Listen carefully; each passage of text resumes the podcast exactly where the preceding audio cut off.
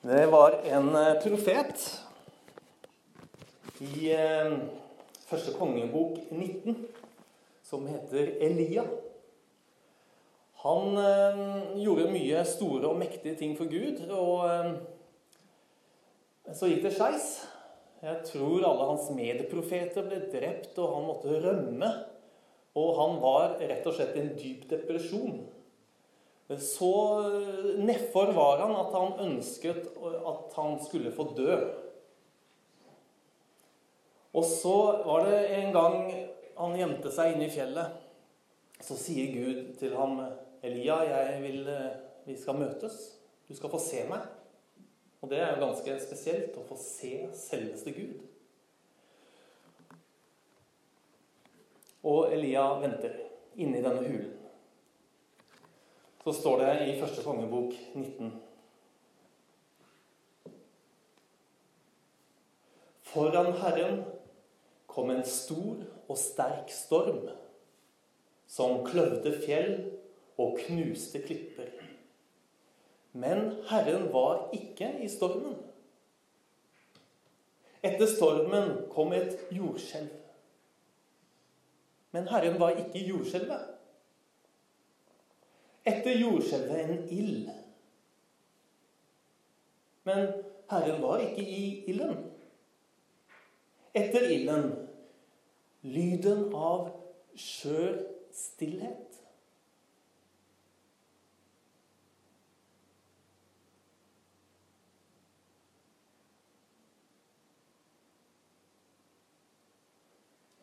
Da Elia hørte den,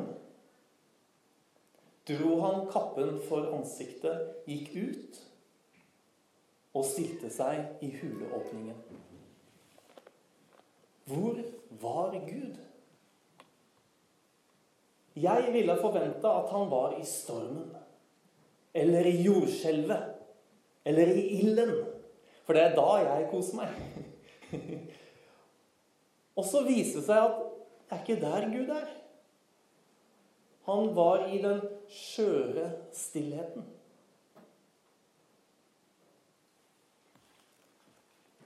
Temaet i dag det er bønn. Og jeg syns helt personlig at bønn det er et kinkig tema. Tro det eller ei. Det er liksom en ting som alle kristne bør gjøre. Eh, men som de fleste har dårlig samvittighet for at de ikke gjør nok av. Jeg vet ikke om dere kjenner dere igjen i det. Personlig så har jeg strevd mye med dette her. Det har vært perioder hvor jeg ikke har klart å verken lese Bibelen eller be. Det har vært et sånt et ork og noe som jeg liksom Det har, det har blitt eh, litt for strabasiøst for meg. Jeg har ikke makta det, jeg har ikke klart det, jeg har ikke orka. Og det bare fører til at jeg får enda mer dårlig samvittighet. Enten om jeg prøver eller lar være, så bare liksom, Dårlig samvittighet kom til meg. Eller så har det vært andre perioder hvor jeg har eh, følt meg så åndelig at jeg trenger jo ikke faste bønnetider. Gjett hvordan det har gått, da. Og så var det for noen år siden hvor jeg oppdaget det at jeg gjorde jo min, mitt daglige arbeid i, i Frikirken. Pastor. Studere Guds ord og eh, lage taler osv. Og, så og så la jeg merke til det at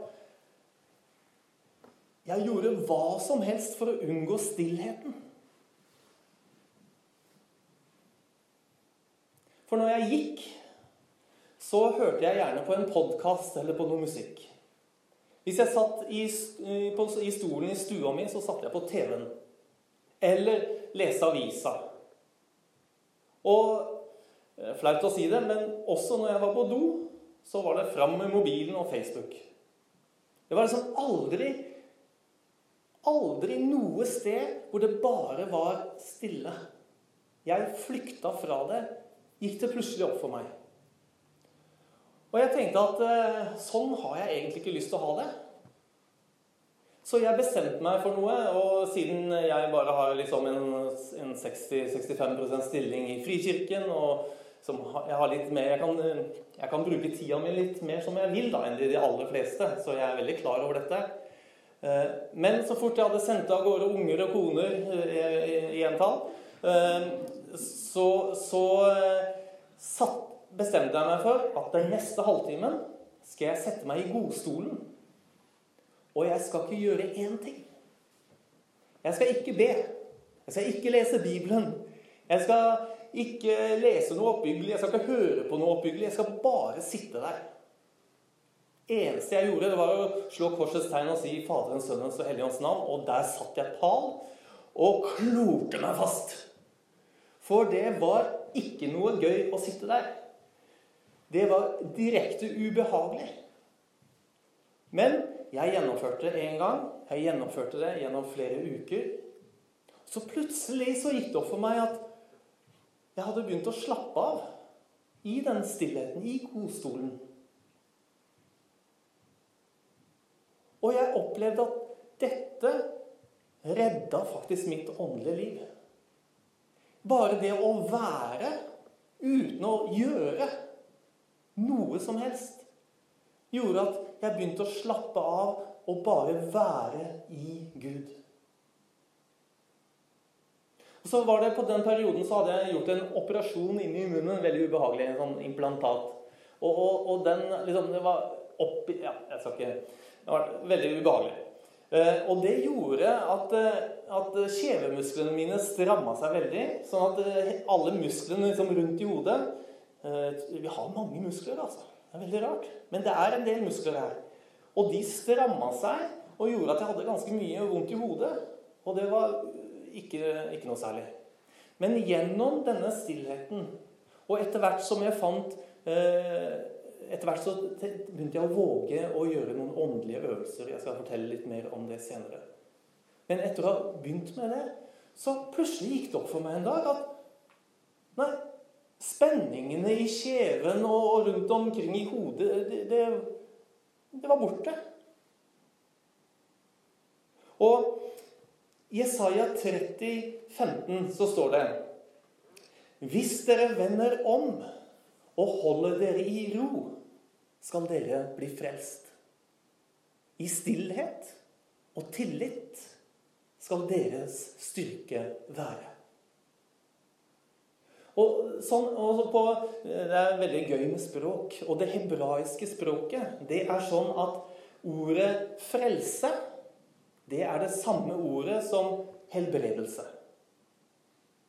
Apropos det, så når jeg var misjonær i Etiopia, så hadde jeg en, eh, prøvde jeg å ha en liten sånn oppfyrende tale om at eh, vi må bli frelst.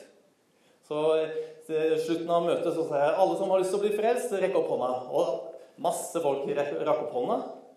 Og så når jeg da skulle komme bort og be for dem, så sa de jo jeg har så vondt i magen.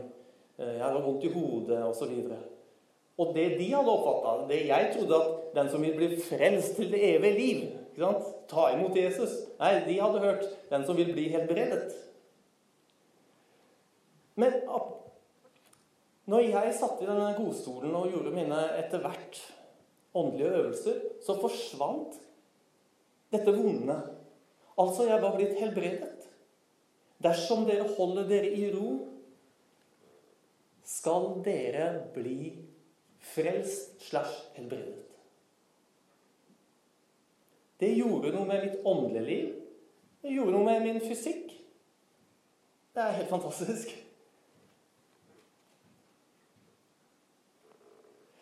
Eh, I Lukas 10 så er det en historie om to flotte damer. Det er Martha og Maria som får besøk av selveste Jesus. Og det er klart, Når man får besøk av Jesus, da steller man i stand en fest. Da da man, lager man den beste maten man kan uh, få til. Man uh, gjør huset rent og gjør det pent. Og Martha hun tok ansvar og jobbet godt. Lagde god mat, dekket på og styrte og stelte. Maria, da? Så gikk Martha så Hvor ble det av Maria? Hun skulle hjelpe meg. Kikker hun inn i stua. Nei, der satt hun, altså. På gulvet foran beina til Jesus. Har du sett? Og Marie, Martha kjenner at det, det spenner seg i kroppen. Ikke sant? For, for mester, kan ikke du si til Maria kan ikke si det sjøl, vet du. Kan ikke du si til Maria at hun skal være med og hjelpe meg? Det er en ganske naturlig tanke. Og så kommer da Jesus med, med et merkelig utsagn. Han sier, 'Martha, Martha, du gjør deg strev og uro med mange ting.' Men Maria her, hun har valgt en gode del. Den skal ikke tas fra henne. Er det Jesus sier, at eh, vi skal ikke drive og jobbe? Nei, det er ikke det. altså. Det er lov å arbeide, det er lov å jobbe på kjøkkenet, det er lov å stelle i stand en fest, det er lov å være busy. Men det Jesus sier at vi ikke skal gjøre, det er å gjøre oss strev og uro med mange ting. For hva er egentlig strev og uro? Jo, det er å Det er en, et uttrykk for tvil og usikkerhet på Gud. Jeg stoler ikke helt på Gud, så dette må jeg få til. Og tenk om det ikke går sånn som jeg tenker nå! Da blir det ille, og jeg bekymrer meg og stresser. Nei, ikke gjør deg strev og uro. Maria har valgt den gode del. Og angående det så står det i Filipperne 4,6.: Vær ikke bekymret for noe, men legg alt dere har på hjertet, framfor Gud. Og det tror jeg nettopp er den gode del. Legge alt på hjertet framfor Gud. For hva skjer, har dere prøvd det, når du setter deg i en stol du tar ikke fram avisa, du skrur ikke på TV-en eller noe annet. Du finner ikke fram mobilen, men du bare sitter der. Hva skjer da? Det popper opp en mengde tanker, en mengde følelser. Er veldig ubehagelig.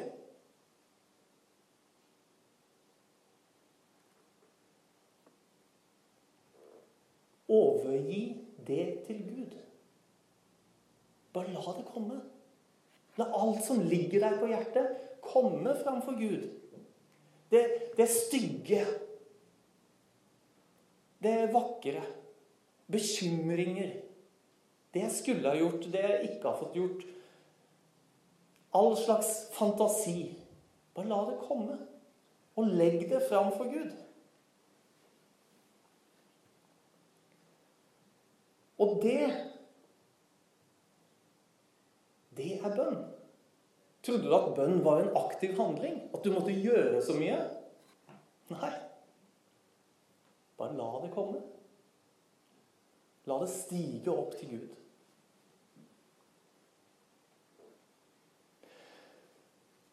Maria, eh, søsteren til Martha, hun er en ganske interessant person.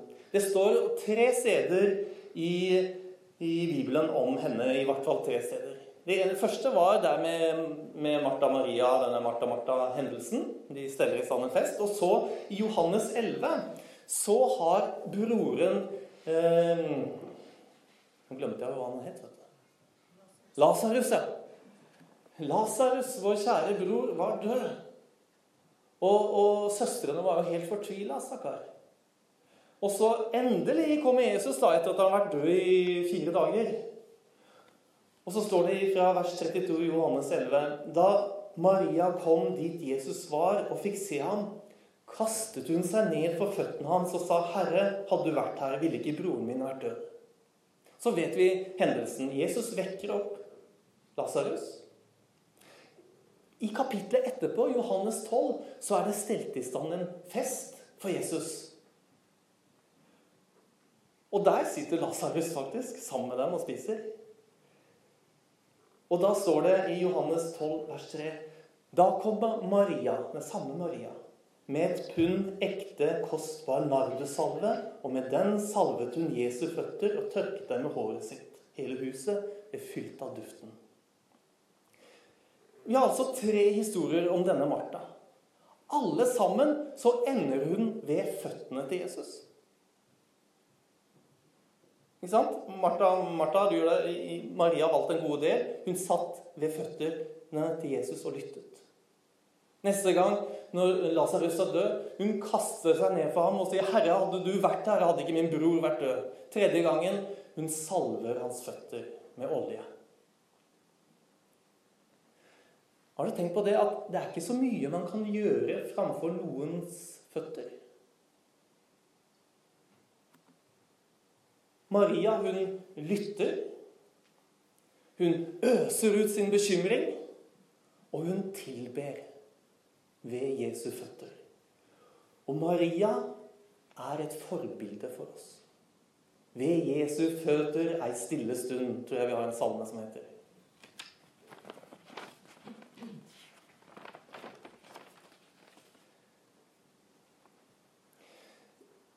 Jesus han lærer også oss litt om bønn. I bergprekenen står det faktisk en god del om bønn. Vet ikke om dere har tenkt på det, men eh, dere har vært på bønnemøter, regner jeg med. Ja, dere har bønnemøte her òg. Og det viser jo Hvor skulle det bønnemøtet være? Jo, i det stille rommet. Kanskje dere har forstått eh, ganske godt dere, hva dette her er? Bønn. Det er i det stille rommet. For vanlig, veldig ofte da, når en er på bønnemøte Det er så mye ord. Har du tenkt på det? Og man ber og man ber så mange flotte setninger. Og bla, bla, bla. Og det, og det er fra hjertet. Så det er jo det er ikke, det er ikke vondt. Men hva lærer Jesus oss om bønn? Matteus 6, vers 7, så sier Jesus når dere ber, skal dere ikke ramse opp ord, slik hedningene gjør. De tror de blir bønnhørt ved å bruke mange ord. Vær ikke lik dem. For dere har en far som vet hva dere trenger, før dere ber ham om det. Slik skal dere da be, vår Far i himmelen. La navnet ditt helliges. La riket ditt komme. Og så videre. Skal ikke bruke mange ord. Det er en ganske ny, en ganske flott erfaring, og litt sånn spesielt å be uten ord. Det er veldig nakent, veldig skjørt. Men hvor var Gud? I den skjøre stillheten. Litt senere i Matteus 6, etter at han har lært om Eh, om eh, Herrens bønn, så sier Jesus Søk først Guds rike og hans rettferdighet, så skal dere få alt det andre i tillegg. Så gjør dere da ingen bekymringer for morgendagen. Morgendagen skal bekymre seg for seg selv. Er ikke det deilig? Han sier 'søk først Guds rike'. Guds rike, hvor er det? Er det her i kirken? Hvor er det? Jesus sier mye om Guds rike. I Lukas 17, 20 så sier, sier Jesus Guds rike kommer ikke på en slik måte at en kan se det med øynene. Ingen vil kunne si 'Se, her er det', eller 'Der er det'. For Guds rike er midt iblant dere. Slik lyder i hvert fall 2011-oversettelsen. 1930-oversettelsen sier 'Guds rike er inneni eder'. Eh, og King James Version sier på engelsk 'The kingdom of God is within you'. Guds rike er inni dere. Guds rike er iblant dere. Men dere, hvordan skal man søke Guds rike hvis det er inni deg eller midt iblant oss? Hvordan gjør man det? Det er jo allerede her.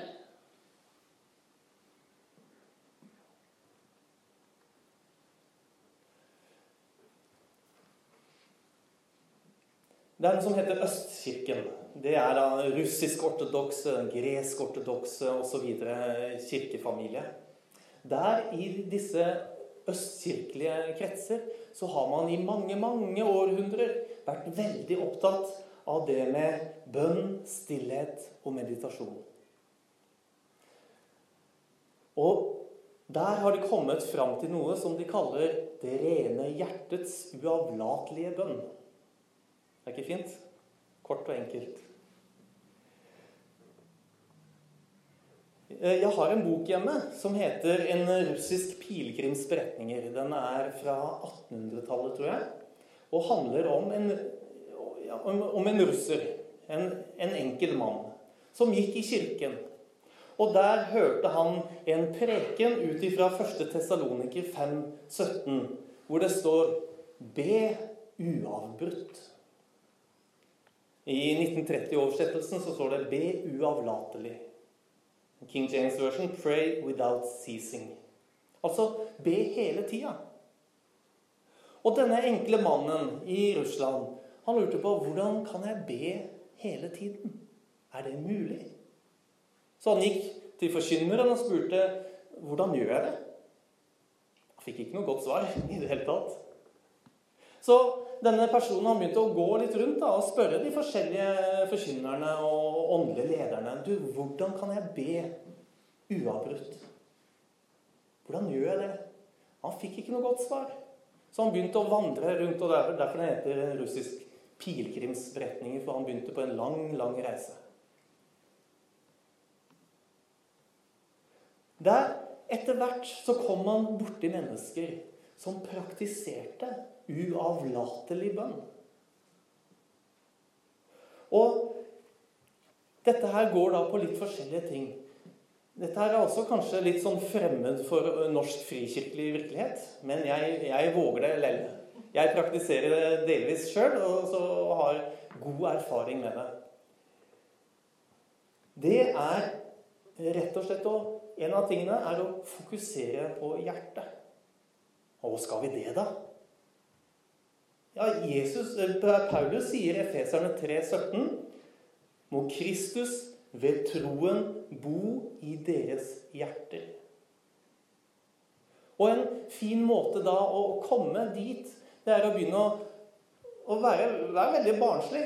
Være veldig enkel. Og begynne å kjenne Kan jeg kjenne hjertet? Jeg la merke til for noen, noen veldig få år siden jeg hadde vært gjennom en litt dyp depresjon. Jeg la merke til det at eh, jeg, jeg greide ikke å kjenne hjertet mitt.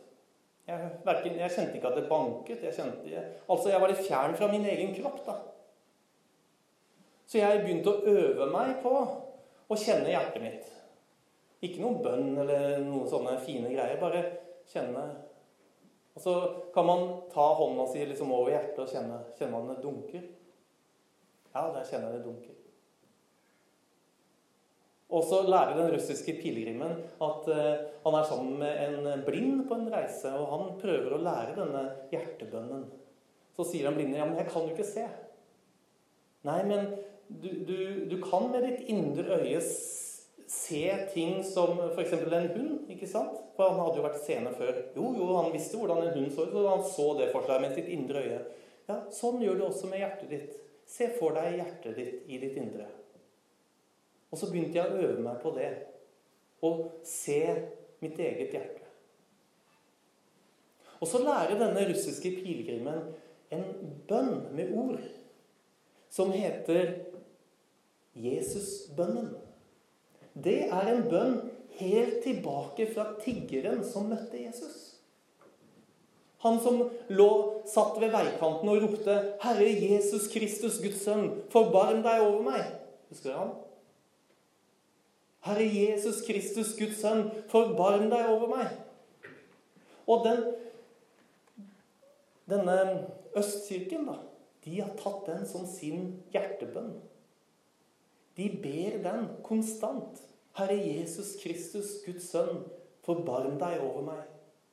Og til det så bruker de hjertet, og de bruker pusten.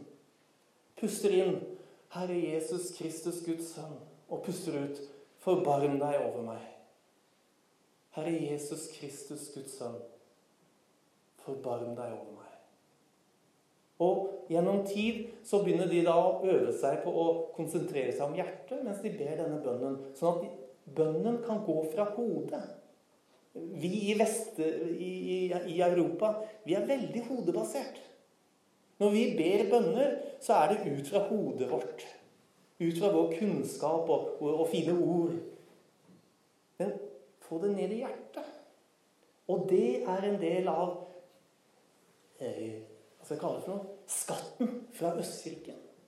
De har funnet at vi skal be ut fra hjertet. Hvorfor hjertet? Jo, fordi Jesus bor i vårt hjerte. Guds rike er inne i oss. Så vi skal gå, synke ned i hjertet og be ut fra hjertet.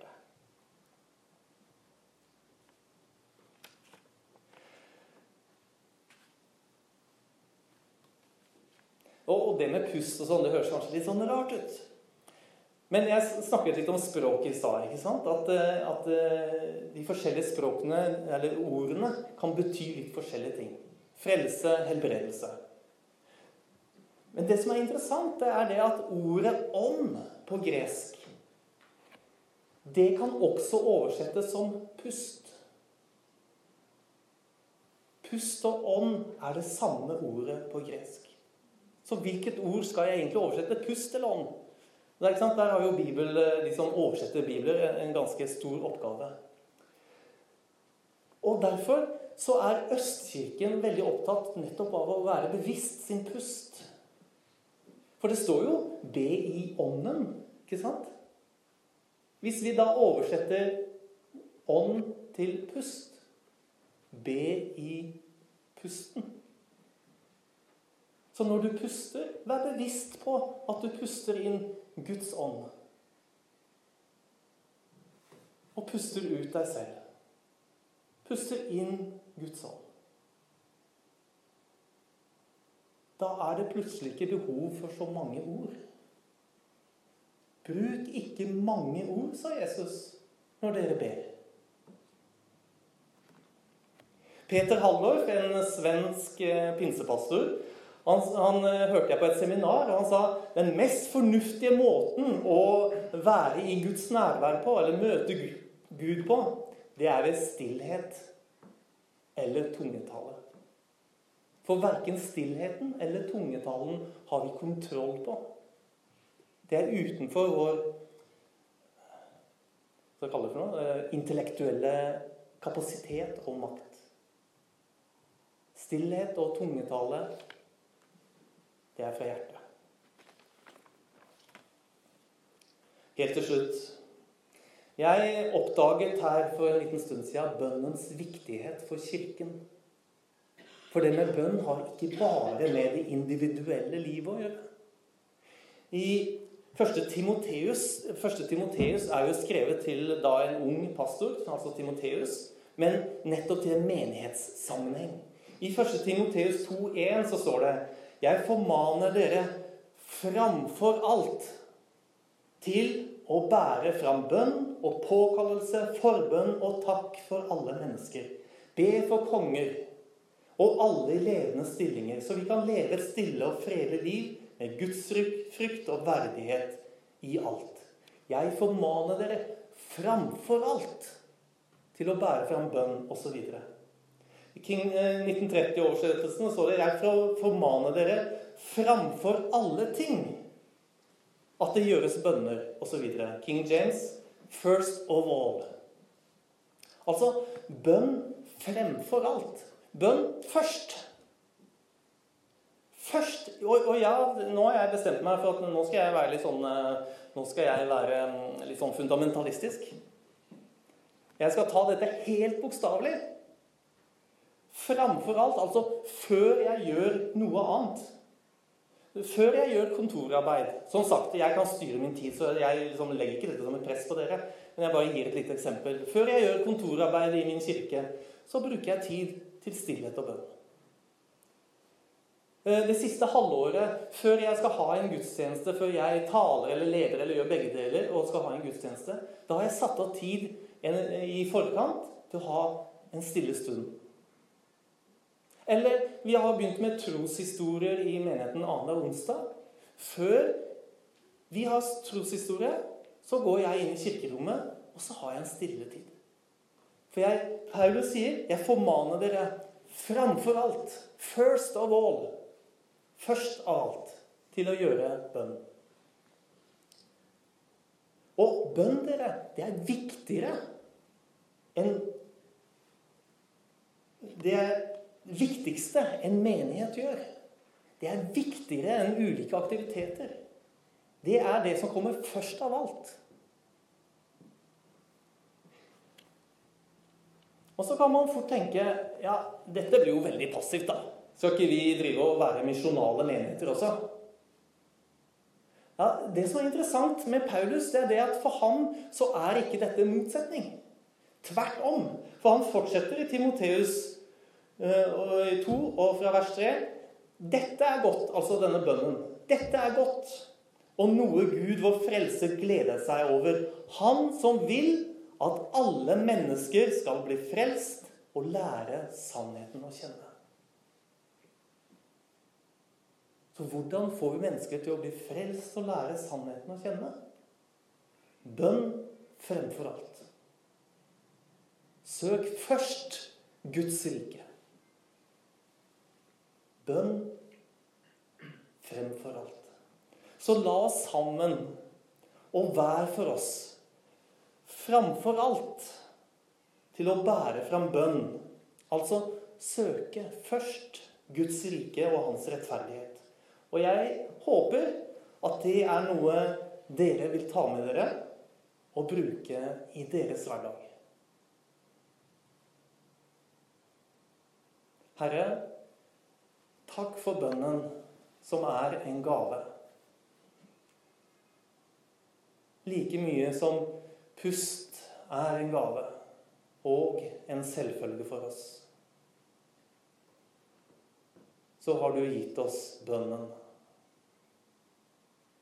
Hjelp oss, Herre, til å være som Maria, som stadig kaster seg ned for dine føtter. Både for å lytte, men også for å øse ut sin bekymring, og for å tilbe. Jeg ber deg, hjelp oss til å bevare våre hjerter framfor alt vi bevarer. Vi bevarer. Jeg ber deg, velsigne Bærum frikirke. Kom med din hellige ånd og godhet og bønn over denne menigheten. Berør du barn, ungdom, voksne og eldre. La dette huset få være et bønnens hus et hus med din ånd, med ditt lys.